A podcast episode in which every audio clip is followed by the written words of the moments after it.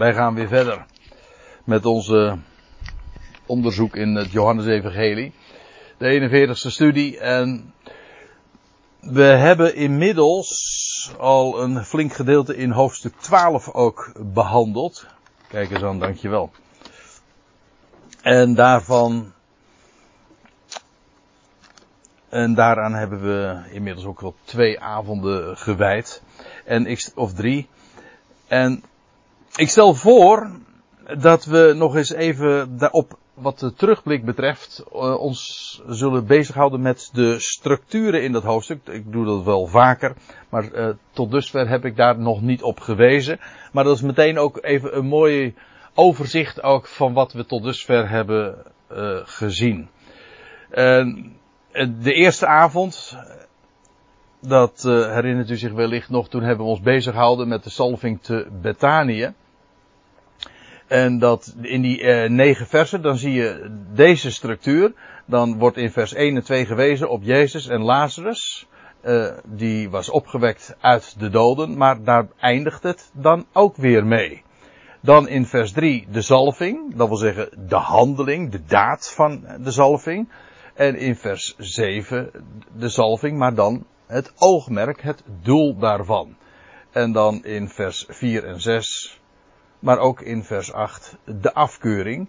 Hier in vers 4 tot 6 dat de afkeuring gedaan wordt, gegeven, uitgesproken wordt. Maar in vers 8 dan de afkeuring wordt uh, afgewezen. Dat wil zeggen, en ook uh, onderbouwd waarom. Dat, uh, ja, waarom de, de afkeuring van die discipelen over die daad van Maria, waarom uh, dat onterecht was. Nou ja, je ziet dus hoe dat uh, is opgebouwd. En het uh, mooie van structuren is dat je dus een totaal zicht krijgt op zo'n gedeelte. Dat gold, oh, en dat geldt ook voor dat gedeelte wat we daarna aantreffen. We weten inmiddels dat we nu aangekomen zijn in de laatste week van Jezus leven hier op aarde voorafgaand aan zijn kruisdood. En dat wordt dan ook gezegd dat uh, in verband met de salving te Bethanië, dat dat zes dagen voor het paascha was. Dus dan praten we inderdaad, aangezien de Heer Jezus op de dag van het paascha stierf,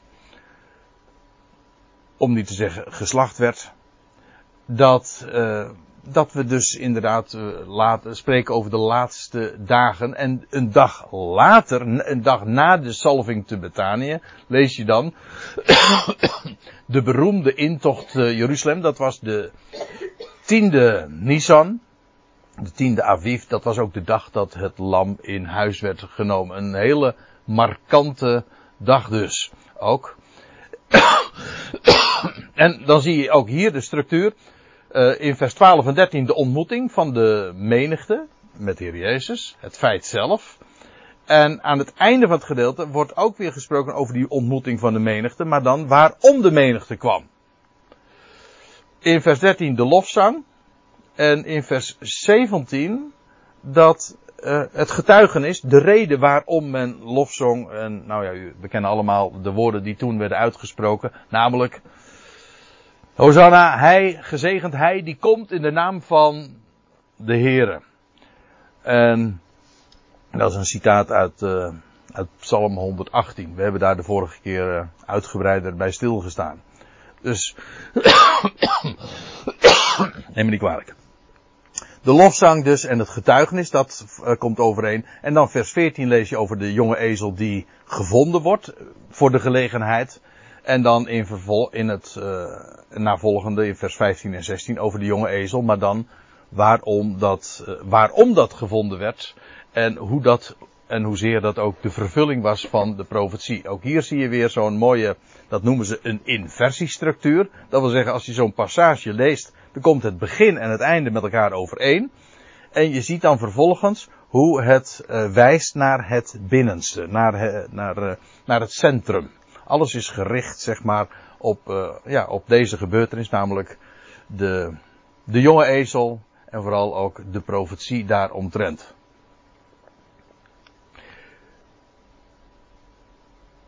En Dan nu, vanaf vers 20, en daar gaan we ons vanavond mee bezighouden.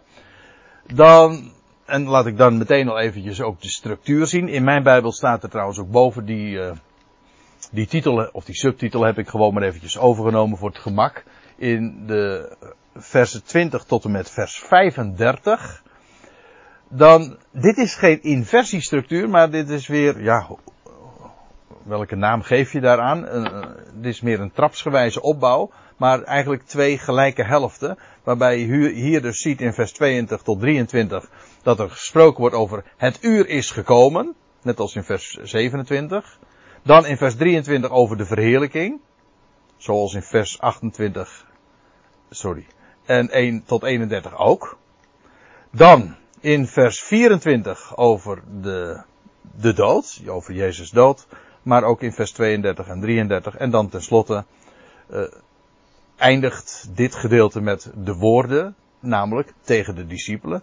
In vers 34 en 35 ook woorden, maar dan gericht tot de menigte. Je ziet dus hier deze trap exact hetzelfde, of in ieder geval het loopt parallel met dit. Dus een heel duidelijke opbouw. En die opbouw kan dus verschillend zijn. Inversie of parallel. Nou ja, er zijn nog diverse andere varianten. Maar je ziet duidelijk dus de wijze waarop eh, dat is samengesteld.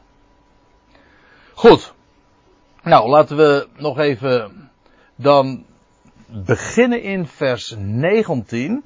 Waar we lazen, dat, dat is het laatste wat we de vorige keer ook hebben gezien en besproken dat de fariseeën zich dan ook ernstig zorgen gaan maken.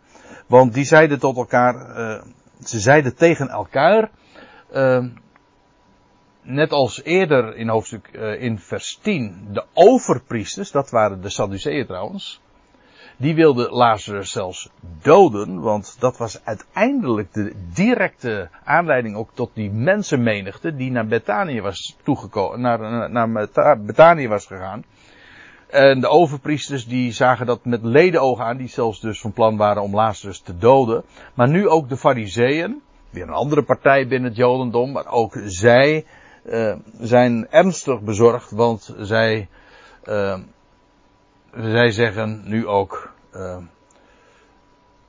zij zeiden tot elkaar, jullie aanschouwen dat jullie geen baat hebben. Dat wil zeggen, in de MBG-vertaling staat, geziet voor uw ogen, dat ge niks bereikt. De en dan, Neem waar, de, de hele wereld ging hem achterna. Ja. En dat is trouwens uh, heel letterlijk. Dat blijkt dan. Want zelfs pelgrims uit de natieën. En dat is meteen ook het bruggetje naar het volgende gedeelte. Namelijk vers 20. In mijn Bijbel begint er dan weliswaar een nieuwe pericoop. Maar als er staat, zelfs de hele wereld gaat hem achterna, dan doelt dat niet alleen maar op die Joodse menigte, maar zelfs pelgrims uit de natieën, die nu daar ook lucht van hadden gekregen. Paul daarop lees je dan vervolgens, nu waren er enige Grieken vanuit degenen die opgingen om te aanbidden op het feest. Eerst even dit. Uh, enige Grieken. Daar zijn in het, in de in het Nieuwe Testament twee uitdrukkingen die erg op elkaar lijken. En dat is, hier staat er Hellenes, en, uh, hier, en, maar er is nog een andere uitdrukking en dat is wat letterlijk Grieksen betekent. Hellenestai. En meestal wordt dat vertaald in, de, in ons Nieuwe Testament met Grieks sprekenden. Je hebt Grieken en je hebt Grieks sprekende, of, en Grieks sprekende is, gaat eigenlijk nog wat verder. Dat is wat anders. Uh, dat betekent dat zij vergriekst waren. Eigenlijk, dat is ook letterlijk wat het woord betekent. Grieken, enige Grieken. Uh, oh, nou heb ik, daar zit ik een echt, echt, echt een fout te maken. Want ik bedoel, echt, zij waren echte Grieken. Want, kijk, je hebt dus, even, terug, even terugdraaien hoor. Je hebt dus Grieken en je hebt Grieksen. Hier is sprake van enige Grieken. Uh, dat is namelijk een ander woord. Als er sprake is van Grieksen, Grieks sprekenden, dan gaat het gewoon over Joden, maar die geassimileerd waren of die eh, zo al zozeer opgegaan of ondergegaan, zo u wilt, waren in de Griekse cultuur, in ieder geval ook de Griekse taal. Dat heten dan Grieksen. Hier zijn het dus echt Grieken en dat betekent gewoon niet Joden. Maar nu waren er enige Grieken vanuit degenen die opgingen, hey, om te aanbidden op het feest. Dat betekent dus, zij waren geen Joden, ook geen proselieten, want dan hadden, hadden, ze, dan hadden ze proselieten geheten, of Jodengenoten, maar zo worden ze ook niet genoemd. Het waren Grieken. Dus het waren dus mensen, en daar is ook een naam voor in de Bijbel, en dat is vereerders van God. In het boek Handelingen kom je dat heel dikwijls tegen. Vereerders van God. En de bekendste die we bij name hebben, uh, die we bij name kennen, inderdaad, dat is Cornelius. De hoofdman, die Romeinse hoofdman, van hem lees je dat hij een vereerder was van God. Hij was een Romein, geen Jood, maar hij sympathiseerde met het Jodendom, met, eh, met, eh, kennelijk ook met de woorden God. Ze waren zich, zij waren zich bewust ervan dat, dat Israël het uitverkoren volk was. En zij maakten deel uit van de natieën, maar zij vereerden God, de God van Israël. Dat wel. En u moet zich uh, daarbij ook voorstellen, de Joden hadden daar geen problemen mee. Integendeel, want uh, zij hebben nooit de, zozeer de, de, de aandrang gehad om dan van de natieën te verjoodsen, te judaïseren. Om die tot Joden te maken, want zij zijn het uitverkoren volk en die anderen niet. En uh, zij leggen dan ook niet de natieën allerlei lasten op van jullie moeten de Sabbat houden of al dat soort Joodse gewoonten. Uh, dat moet je tegen een heleboel christenen tegenwoordig niet zeggen. Want die vinden dat dat wel hoort. Uh, die, uh, ik las laatst een interview met Rab Rabijn. wat is het? Niet Soeterdorp, maar. Evers. Nee, ook niet Evers. Van der Kamp. Van der Kamp, die was het, ja. En die zei, die sprak over zulke Joods, zulke, ja, dat noemen ze dan de Messiaanse groepen, maar dat zijn meestal gewoon Gooise groepen, maar die helemaal uh, zich verjoodst hebben en die de Joodse cultuur uh, opnemen. En, en uh, Rabijn van de Kap sprak over christenen die aan het jodelen zijn. Dat, daar zat natuurlijk een flinke vorm van verachting in. Uh, die vinden dat je, uh, dat, dat je je als Jood hoort te gedragen en op te stellen. En dus de Sabbat moet houden en eventueel zelfs te besnijden. En nou ja, noem maar op. En Joden vinden dat helemaal niet. Die vinden helemaal niet dat gelovigen of mensen uit de natie dat zouden moeten doen. En dat vind ik dan wel weer erg grappig om zulke dingen dan daarvan kennis te nemen. Goed, hier waren er in ieder geval Grieken en die gingen dus op naar de tempel. Ik moet er trouwens bij zeggen dat ze gingen op naar het feest, dat wil zeggen het Pascha hier natuurlijk. Uh, daarvan wordt trouwens heel uitdrukkelijk gezegd, al in Exodus 12, dat, dat zij van het Pascha, vreemdelingen, niet, niet Israëlieten, mochten van het Pascha niet eten. En in dit geval gingen zij op naar het feest en naar Jeruzalem. Maar zelfs in de tempel mochten ze ook niet echt naderen. Want je had een speciale voorhof voor de heidenen. Voor de natieën. En die mochten absoluut niet binnen de, de omheining komen. Waar al uitsluitend Israëlieten en besnedenen mochten huizen en mochten uh, zich uh, mochten voegen. Dus er was duidelijk eh, een onderscheid, om niet te zeggen een scheiding en een afstand. En zij werden buiten de omheining, zeg maar, gehouden. Ja, hun deel was in de voorhof van de natie. Nou, er waren enige Grieken vanuit degene die opgingen om te aanbidden op het feest. Deze dan kwamen tot Filippus. Uh, deze Filippus, die was evenals uh, Andreas. Nou, geen Griek, maar ze hadden wel beiden een Griekse naam. Philippus, eh, als ik me niet vergis, ja, betekent dat Philipp, Philippus betekent letterlijk paardenliefhebber. En Andreas, ja, wat die naam betekent, dat weet ik nog zo, eh, zo goed. Want ik heet zelf namelijk zo. Althans, mijn naam is daarvan afgeleid. En het was ooit een, een predikant van mijn ouders in Aalsmeer, die toen ik een jaar of tien of elf was of zo, en ik kwam thuis en daar zat de dominee, de nieuwe dominee, dominee Prins, en die gaf aan, al, uh, gaf aan de hogeschool gaf die, Griekse, Hebreeuwse les. En hij was een groot kenner van de antieke talen. En die, uh, nou, ik stelde me voor en ik zeg, nou, mijn naam is André. En toen zei hij, André, André, oh, dat is een mooie naam. Hij zegt, dat betekent, dat komt van het Griekse Andreios. Dat betekent sterk, dapper, mannelijk. Dus ja, dominee uh, Prins, die kan geen, kon geen kwaad meer doen natuurlijk, uh, bij Andreas. Ja, maar in ieder geval, Andreas is net als Filippus een Griekse naam. En er staat hierbij, uh, die van Bethsaida in Galilea was. Ja, waarom wordt dat er zo bij vermeld? Nou, in de eerste plaats, ter onderscheiding van een andere Filippus. Want wij kennen nog een Filippus, een hele beroemde zelfs, in het boek Handelingen. Een van de zeven diakenen in Jeruzalem. En vooral bekend als die Filippus die naar Samaria ging. Maar voor, nog bekender als diegene die die man uit de Kamerling uit Morenland. Uh, Jezus predikte, weet u wel. En zich voegde daarbij die man op de wagen. Dat was Filippus. Die woonde trouwens in Caesarea. Maar ter onderscheiding van uh, deze, uh, van deze Filippus wordt deze dus genoemd uh, die van Bethsaida was in Galilea. Ik moet er trouwens nog iets bij, nog iets bij zeggen, want Bethsaida, dat was volgens de buitenbijbelse bronnen een plaats waar heel veel Grieken ook woonden. Ik kan dat niet vanuit de Bijbel staven, maar het is wel, het is trouwens, kan wel vanuit de Bijbel staven, vanuit hetzelfde Johannes-evangelie, dat Bethsaida de plaats was waar ook Andreas en Petrus vandaan kwamen. Dus het waren dorpsplaatsgenoten van elkaar. En beide hadden ook een Griekse naam. Nou ja, in ieder geval, die Grieken die kwamen bij, tot Filippus, en die van Bethsaida in Galilea was. En zij vroegen hem en zeiden, Heer, wij willen Jezus waarnemen. Ha, dat vind ik nou grappig als zoals dat hier geformuleerd wordt. Nou ja, grappig. Uh, opmerkelijk.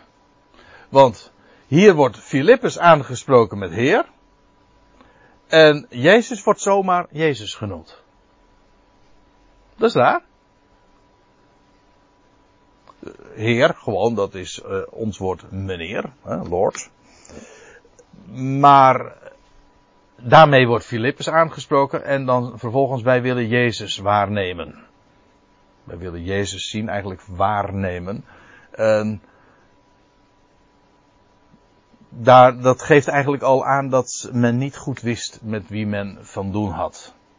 Het is opmerkelijk, zelfs hier bij de Heer Jezus op aarde, dat degene die hem kende hem dan noemde in, met, met ere, als rabbi, als degene die onderwijs gaf, of als Heer, of als de Christus zelfs, bij gelegenheid.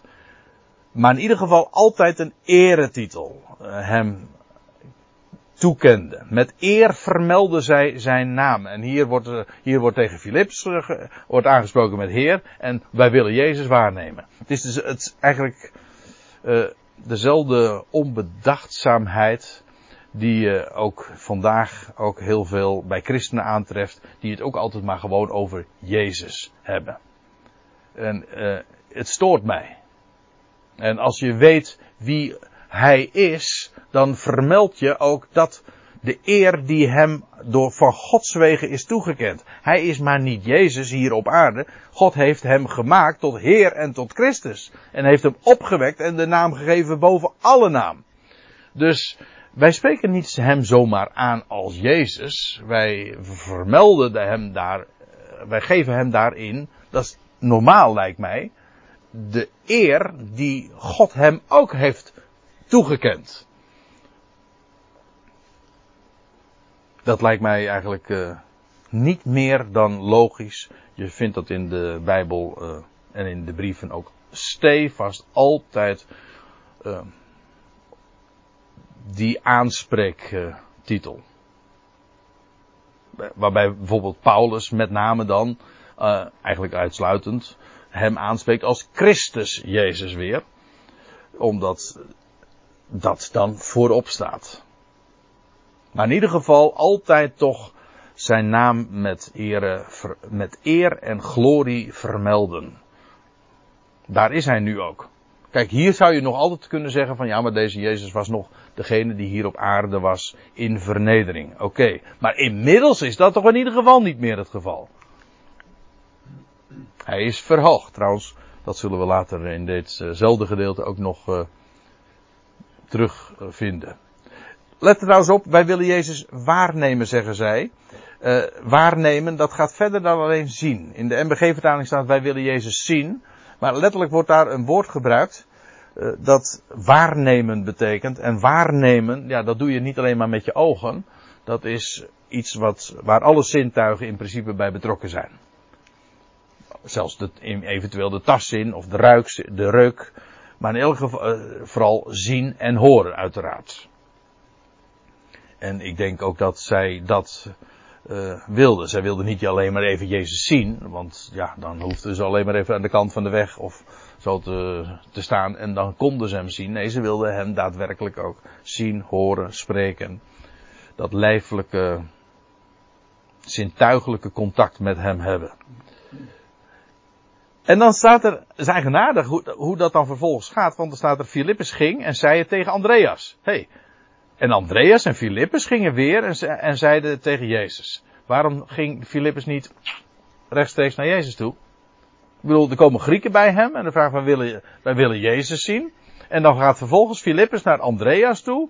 En zo, kennelijk hebben ze het overlegd met elkaar, maar waarom dat, die omweg dan? en ik denk dat daar wel uh, een goede reden voor te vinden is. Kijk, voor ons, hè, christenen, ligt dat niet zo uh, meer voor de hand. Maar je moet je goed realiseren dat Jezus altijd in zijn bediening op aarde had geleerd, had onderwezen. Het was zelfs een vanzelfsprekendheid dat hij slechts gezonden was tot het huis van Israël. Hij ging helemaal niet naar de natie toe. Daar had hij helemaal geen boodschap aan. Dat klinkt wat vreemd, maar het is wel zo, want hij was slechts, zijn missie was slechts het huis van Israël. Dus als daar Grieken komen en die dan kennelijk met Jezus in aanraking willen komen, dan begrijp je natuurlijk de aarzeling van Filippus. Ja, uh, dat, en dat hij dus eerst nou, dat bespreekt met Andreas. Ik moet er trouwens wel bij zeggen, uiteindelijk gaan ze wel naar Jezus natuurlijk. Maar dat zou wel eens te maken kunnen hebben met het feit dat Jezus ook juist in het nou ja, direct voorafgaande, of in ieder geval kort tevoren nog, we lezen dat in hoofdstuk 10, vers 16, had gezegd, een hint had gegeven, ik heb nog andere schapen die niet van deze stal zijn. En dat hen misschien dat de vrijmoedigheid heeft gegeven van, nou, wellicht dat deze Grieken nu toch uh, naar Jezus toegeleid kunnen worden zodat zij elkaar kunnen spreken. Wellicht dat ze daarin een argument hebben gevonden. Normaal gesproken eh, was dat eigenlijk gewoon totaal niet aan de orde. Jezus was gezonden tot het huis van Israël. Nou, als je dan doorleest, dan blijkt ook helemaal niet dat deze Grieken daadwerkelijk met Jezus hebben gesproken of hem hebben ontmoet. Ze hebben de vraag neergelegd bij Filippus. En via Filippus en Andreas is bij Jezus terechtgekomen. Maar dat het inderdaad van de ontmoeting gekomen, gekomen is, eh, is niet het geval. Het is iets anders.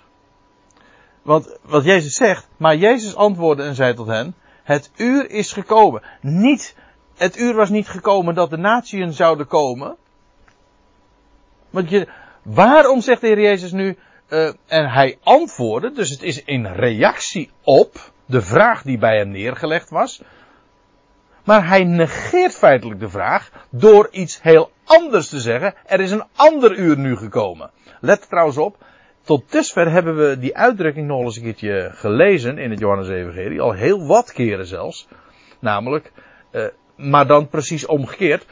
het uur, mijn uur is nog, nog niet gekomen.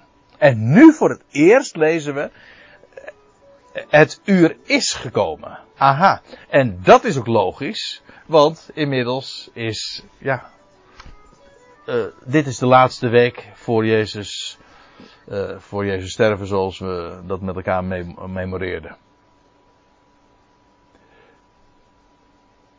En wat de Heer dus zegt is, uh, het uur is gekomen. Dat de natie ko uh, zouden komen? Nee, helemaal niet. Dat de zoon van de mens,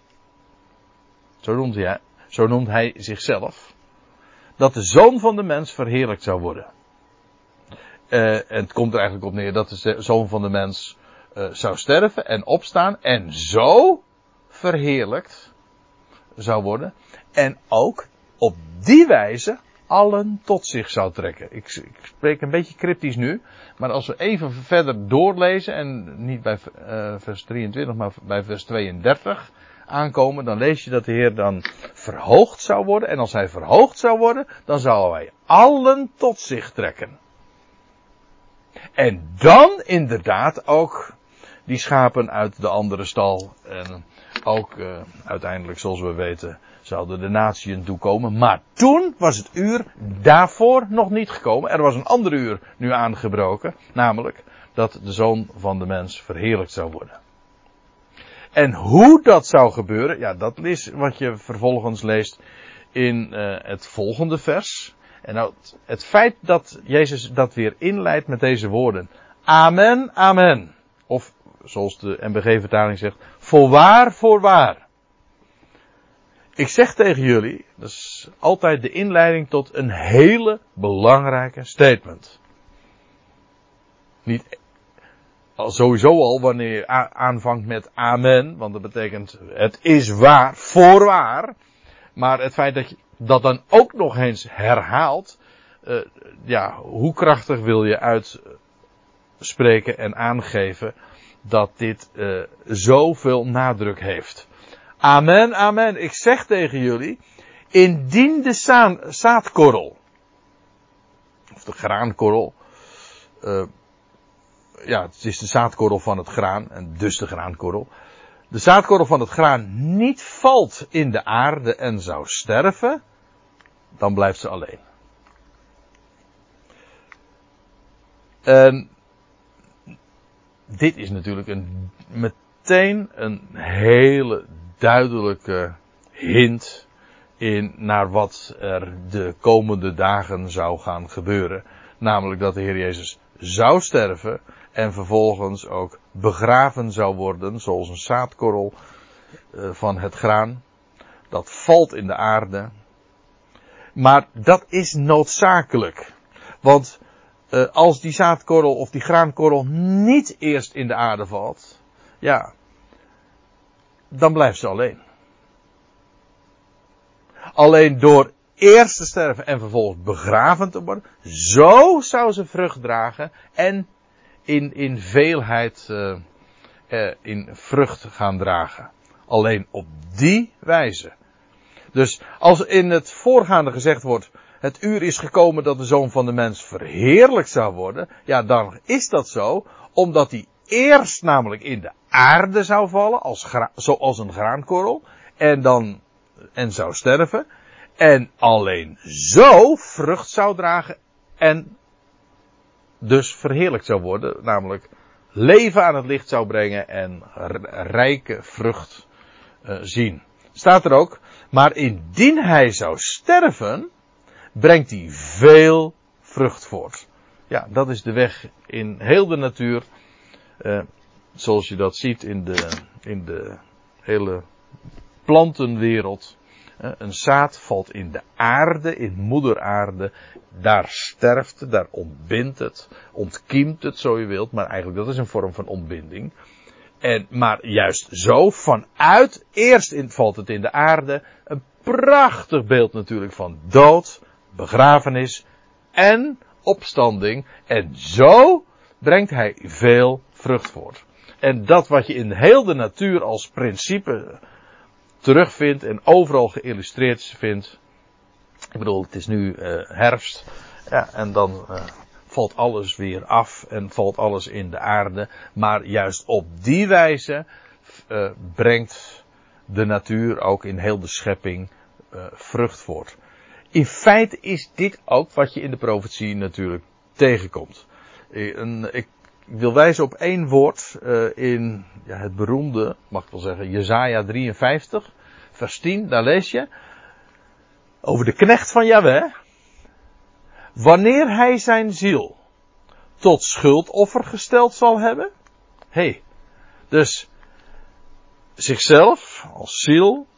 En daarin zit eigenlijk ook uh, de gedachte dat hij zijn bloed geeft, want de ziel is in het bloed. Hij stelt zijn ziel en daarmee ook tot een schuldoffer. Het, een schuldoffer, dat is een bloedig offer, dat sterft dus.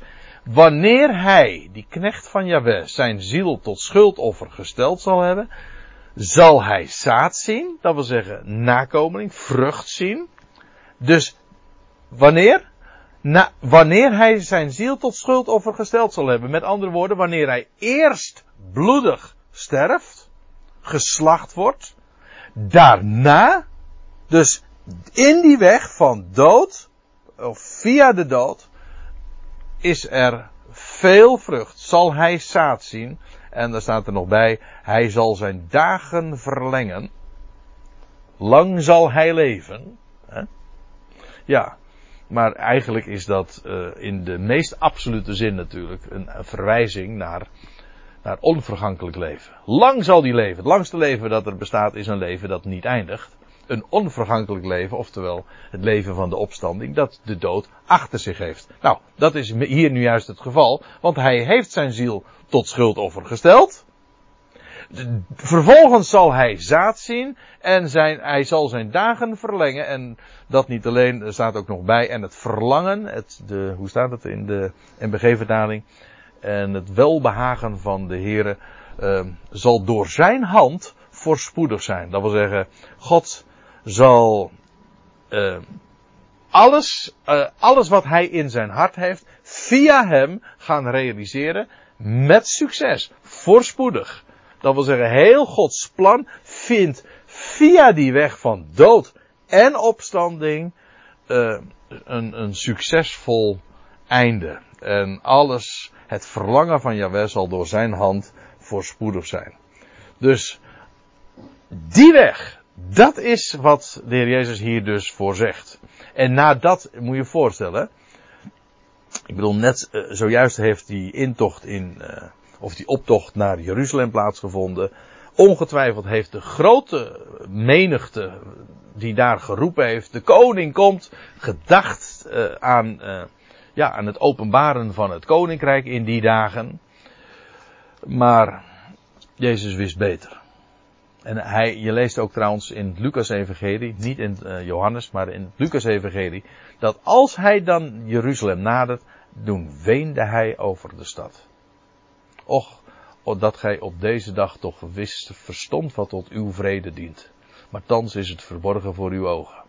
Dus allemaal in diezelfde da dagen, in diezelfde week, heeft dat uh, plaatsgevonden. Misschien wel op dezelfde dag dat dat uh, ook gezegd is. Of dit nog op dezelfde dag is van de, van de, van de intocht, dat, eh, dat betwijfel ik. Ik denk dat het eerlijk gezegd nog weer een dag later is. Maar Johannes beschrijft, zegt dat niet nadrukkelijk. Hij zegt, op de zes dagen, zes dagen voor het paascha was daar die salving te Betania. De volgende dag was de intocht. Maar hoe dan vervolgens uh, dat uh, was, de rest van de geschiedenis wordt niet meer in de dagen aangegeven. Althans, niet in het Johannesevangelie.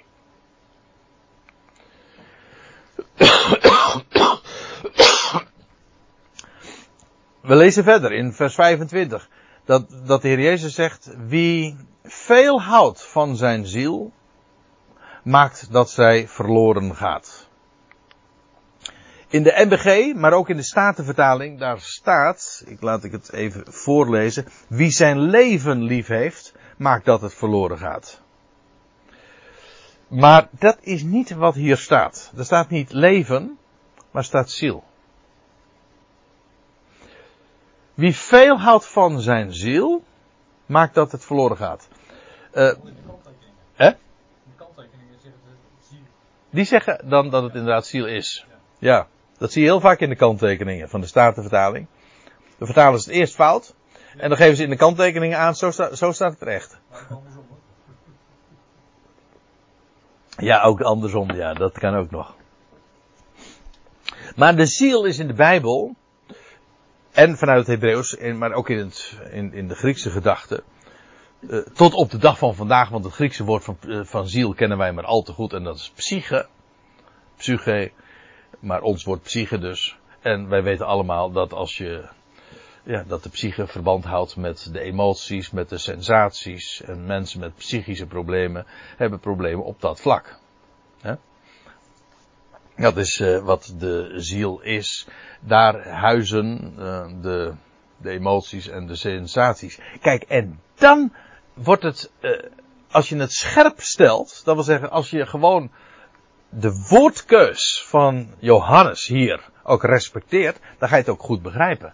Want wie veel houdt van zijn ziel, van zijn eigen emoties en van zijn eigen sensaties, ja, die zal afzien dus van lijden en miskenning.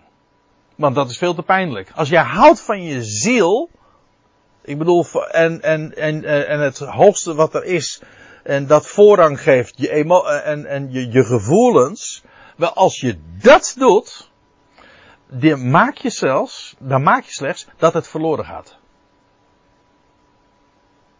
Niet wie zijn leven lief heeft, nee, wie zijn ziel lief heeft. Wie dus aan de emoties, aan de psyche, aan de sensaties en de, aan de gevoelens de voorkeur geeft en lief daar veel van houdt en daar dus aan vasthoudt, die maakt dat het verloren gaat. En de Heer Jezus zelf is daar uh, uh, het voorbeeld van. Want als hij het hier dit zo zegt, dan kun je hier natuurlijk een les in vinden, gewoon voor ons als lezers, of degene die daar ge, gestaan hebben, dat, die kunnen dat ter harte hebben genomen. Maar let op, de Heer Jezus heeft het hier over zichzelf. Kijk, hij had gezegd, indien hij zou sterven, brengt zij veel vrucht voort. Hij hij had het over de graankorrel, dat is hij zelf. En dan, wie veel houdt van zijn ziel, maakt dat zijn verloren gaat.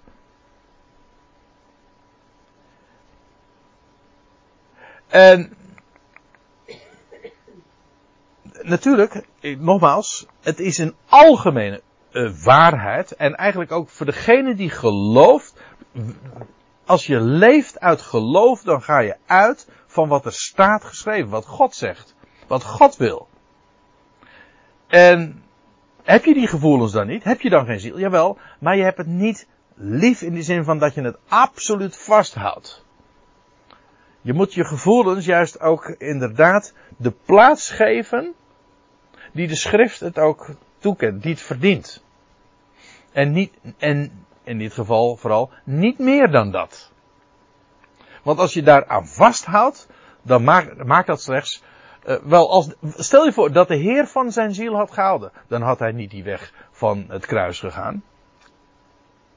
Toch? Dan, dan, als, dan, dan had hij toch afgezien van, van dat lijden en de miskenning en de, de, dat gigantische verdriet wat hem nu te wachten stond. Als hij gehouden had van zijn ziel. En daaraan vastgehouden had. Dat, daarom zegt hij ook van, uh, ja, dat is dan nog weer een paar dagen later, vlak voor zijn sterven in Gethsemane. Uh, niet mijn wil, maar de uwe geschieden. Maar wie zijn ziel haat in deze wereld, zal haar behoeden tot in het Ionische leven. Hè? Het leven van de Ion. Ik moet trouwens wel even dit bij zeggen. Het woord haat uh, heeft in de Bijbel niet de beteken, niet per se de betekenis die het bij ons heeft. Bij ons heeft het altijd natuurlijk de lading van daar ergens een hardgrondige hekel aan hebben. Maar dat is niet het idee. Haten betekent uh, het op een tweede plaats stellen. In het uh, Hebreeuws is dat, uh, zie je dat helemaal sterk, want het Hebreeuwse woord voor, voor haat is genie. En dat is eigenlijk afvallen. Dat is eigenlijk exact hetzelfde als het woord voor tweede. Ja, ja, je vindt dat heel wat keer, hè. Van wie zijn vader en moeder niet haat om mijnentwil. Dat betekent niet dat je een hartgrondig hekel aan hen hebt. Maar het gaat erom, wie hen niet achterstelt. Dat wil zeggen, niet de, niet de plaats achter mij geeft. Wel, die is mij niet waardig. Dat is wat de Heer Jezus dan in ander verband zegt. Jacob heb ik lief gehad en Ezo heb ik gehaat. Dat wil zeggen, het betekent niet dat God een hartgrondig hekel aan Ezo had. Nee, het, hij had gezegd, de oudste, Ezo, zal de jongste dienstbaar zijn. Dat wil zeggen, Ezo komt op de tweede plaats. Ja. Dat is wel van belang om dat woord haat dus in de goede proporties dus ook uh, op te vatten. Maar het, uh, het idee blijft ook hier dat je ziel, je zou je ziel dus op de tweede plaats stellen. Dat is het. Niet voorop stellen, want alleen door dat, uh, alleen door haar inderdaad op de tweede plaats te stellen, haar achter te stellen, die, zo zal je haar behoeden tot in het Ionische leven. Indien iemand mij zou bedienen, uh, ja, hier staat in het Grieks het woordje, al eerder kwam, uh, hadden we het woord vanavond even in, uh, in de mond genomen. Diaken. Ons woord diaken, dat is eigenlijk een Grieks woord. Maar dat betekent eigenlijk van ja, dienen. Een, een diaken is een dienaar. En hier wordt dat woord gebruikt. Hier wordt niet gesproken over slavendienst, maar over van dienst uh, zijn. Indien iemand mij van dienst wil zijn, laat hij mij volgen. Eigenlijk, ja, dat is wat de Heer Jezus nu ook tegen de, zijn leerlingen zegt. Als er in iemand in mij van dienst wil zijn, laat hij mij volgen. En waar ik ben, daar zal ook mijn bediende zijn. Met andere woorden, volg mij. Dwars door alles heen. Oké, dan moet je je niet vasthouden aan je ziel. En, en dan moet je dat niet, daar, moet je daar niet al te veel van houden, om zo te zeggen. Maar dan zal je ook vervolgens door die weg mij delen in, uh, in mijn verheerlijking. Waar ik ben, daar zal ook mijn bediende zijn. Ik denk trouwens dat de Heer Jezus hier ook letterlijk denkt aan degenen die met hem waren en die hem straks na zijn opstanding uh, weer zouden ontmoeten. Indien iemand mij zou bedienen of van dienst zou zijn, zal de Vader hem eren. Dus aan de ene kant is het dus miskenning krijg je in de wereld, maar daarentegen eer van God. Maar goed, dat zie je natuurlijk op zoveel plaatsen.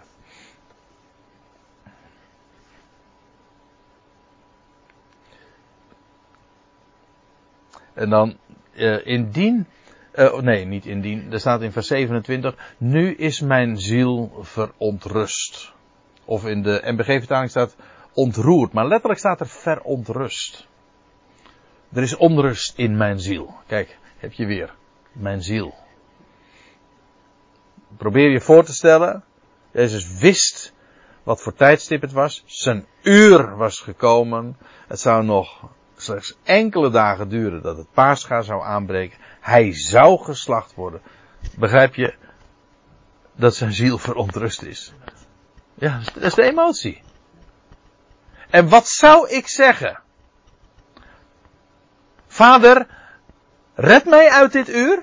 Ja, als je nou een MBG of Statenvertaling hebt, dan staat hier een uitroepteken. Als je een concurrent version hebt, staat een vraagteken. Lijkt mij volkomen correct.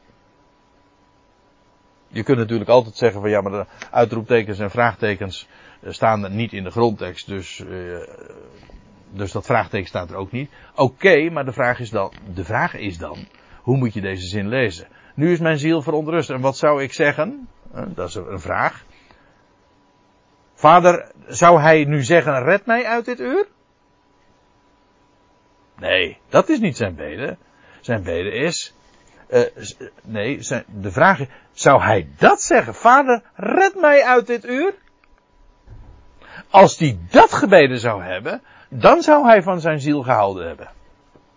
Want dat was, hij wist wat Gods weg was. Hij wist dat Pascha voor hem de dag zou zijn dat hij geslacht zou worden. Ik bedoel, anderhalf duizend jaar lang al vierde Israël Pascha. En nu zou het Pascha aanbreken. De dag van Pascha zou zijn vervulling krijgen. Hij wist wat er zou gebeuren. En net, eh, ja, het was net de tiende Nisan geweest. Israël had net, of zojuist, uh, het lam in huis genomen. Jezus wist welk uur nu was aangebroken. En zou hij nu bidden, red mij uit dit uur? Nee. En dat, blijkt ook wel, want dan vervolgens, maar hiertoe kwam ik in dit uur. Zou ik bidden, red mij uit dit uur? Maar juist daartoe is hij helemaal in dit uur gekomen. Namelijk om te sterven. Hij is dat, zaad, dat zaadkorrel, dat graankorrel, dat in de aarde moest vallen om te sterven. Daartoe kwam hij. En nu zou het moment suprême aanbreken. En nu zou hij bidden, vader red mij uit het uur. Nee. Het uur is eindelijk, het uur waarvan hij iedere keer tot dusver had gezegd in het Johannesevangelie. Eigenlijk al een aantal jaren. Mijn uur is nog niet gekomen, nu was het uur gekomen. Ik denk ook vooral dat hij dit zegt omdat hij zojuist als het lam in huis genomen was. Ja, nu was het uur echt aangebroken. en dan zegt hij, het is heel opmerkelijk, zoals je dat hier vindt. Um, nadat hij uitgesproken heeft, hiertoe kwam ik in het uur, en dan vervolgens, Vader, verheerlijk uw naam. Dat is wat hij, dat, dat is wat hij bidt. Dus hij, hij stelt, wat zou ik zeggen? Vader, red mij uit het uur? Nee, hiertoe kwam ik in dit uur. Weet u, weet u wat hij zou zeggen? Vader, verheerlijk uw naam. Vader, verheerlijk uw naam. En dan, pas daarop, toen, op dat moment, toen kwam een stem vanuit de hemel. Dat is heel eigenaardig, want alleen het Johannes-evangelie maakt hier melding van, van deze gebeurtenis. Toen kwam een stem vanuit de hemel. Toen, en dat betekent ook als antwoord op dit gebed. Want de Vader, die verheerlijkt zijn naam, juist door de Zoon van de mens te verheerlijken. Kijk, wat je leest is, toen kwam een stem vanuit de hemel, ik verheer, dat was, dat, wat zei de stem uit de hemel? Ik verheerlijkte hem en ik zal hem weer verheerlijken. Een stem kwam vanuit de hemel. Hé, maar dat was al meerdere keren gebeurd. Hm? Namelijk bij zijn doop. Deze is mijn zoon. Hij stond op, mooi hè. Hij stond op uit het water van de Jordaan nog wel. En dan lees je, en de hemel opende zich en een stem klonk uit de hemel. Deze is mijn zoon, mijn geliefde, in wie ik al mijn welbagen. Sprak ook al, dat was het begin van zijn officiële uh, bediening op aarde, bij zijn doop dus. Dat uh, hij toen al zo verheerlijkt werd. Later lees je ook bij de verheerlijking op de berg dat er een stem uit de hemel kwam deze is mijn zoon, mijn geliefde. Eigenlijk dezelfde woorden klonken toen weer. Vandaar ook dat de stem, uh, dat de stem zegt, toen kwam een stem vanuit de hemel. Ik verheerlijkte hem, namelijk bij die eerder genoemde gelegenheden. En ik zal hem weer verheerlijken. Namelijk binnen afzienbare tijd, binnen een paar dagen, in de opstanding, en eventueel ook de hemelvaart. Maar in Johannes Evangelie is dat eigenlijk één moment. Dat is zijn verhoging. Daar komen we later nog wel over te spreken. Ik denk ook trouwens dat de dag van de hemelvaart ook dezelfde dag is geweest als van zijn opstanding. Toen is hij al ten hemel gevaren, al was het nog niet definitief. Maar goed, dat is nu even niet het onderwerp. Het gaat erom dat deze stem zegt, ik verheerlijk. Ik verheerlijkte hem in het verleden. En ik zal hem weer verheerlijken. En dat is aanstaande. Als hij op zal staan uit de doden. Nou. En de menigte die hoort dat. En dan vervolgens uh, reageren ze daar op een bepaalde wijze op. Maar ik zie dat het inmiddels 9 uur is geweest. Ik stel voor dat we eerst even een kopje koffie drinken. En dan gaan we straks uh, bij vers 29 verder.